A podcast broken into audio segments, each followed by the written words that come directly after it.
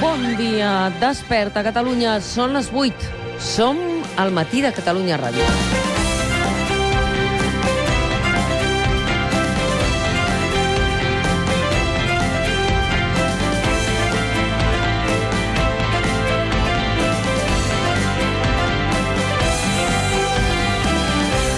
No és ni la primera, ni la segona, ni la tercera, ni la quarta matinada que us despertem des de Madrid, des de la vora del Tribunal Suprem. I cada vegada que venim a Madrid, abans els nostres fills ens pregunten és l'última vegada que aneu a Madrid al judici?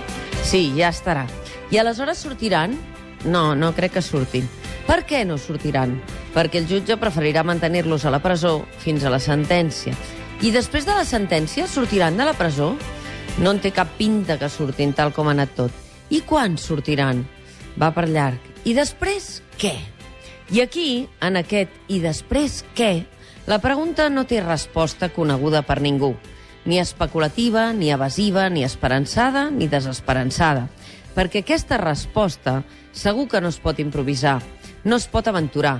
De fet, i en aquest i després què, caldria que existís una resposta en plena consciència, pensada, articulada i valorada, amb pros, contres i conseqüències. Hauria d'existir la resposta al i després què per part de tots els actors socials i polítics d'aquest conflicte. Encara hi són a temps, perquè aquest judici no haurà resolt absolutament res.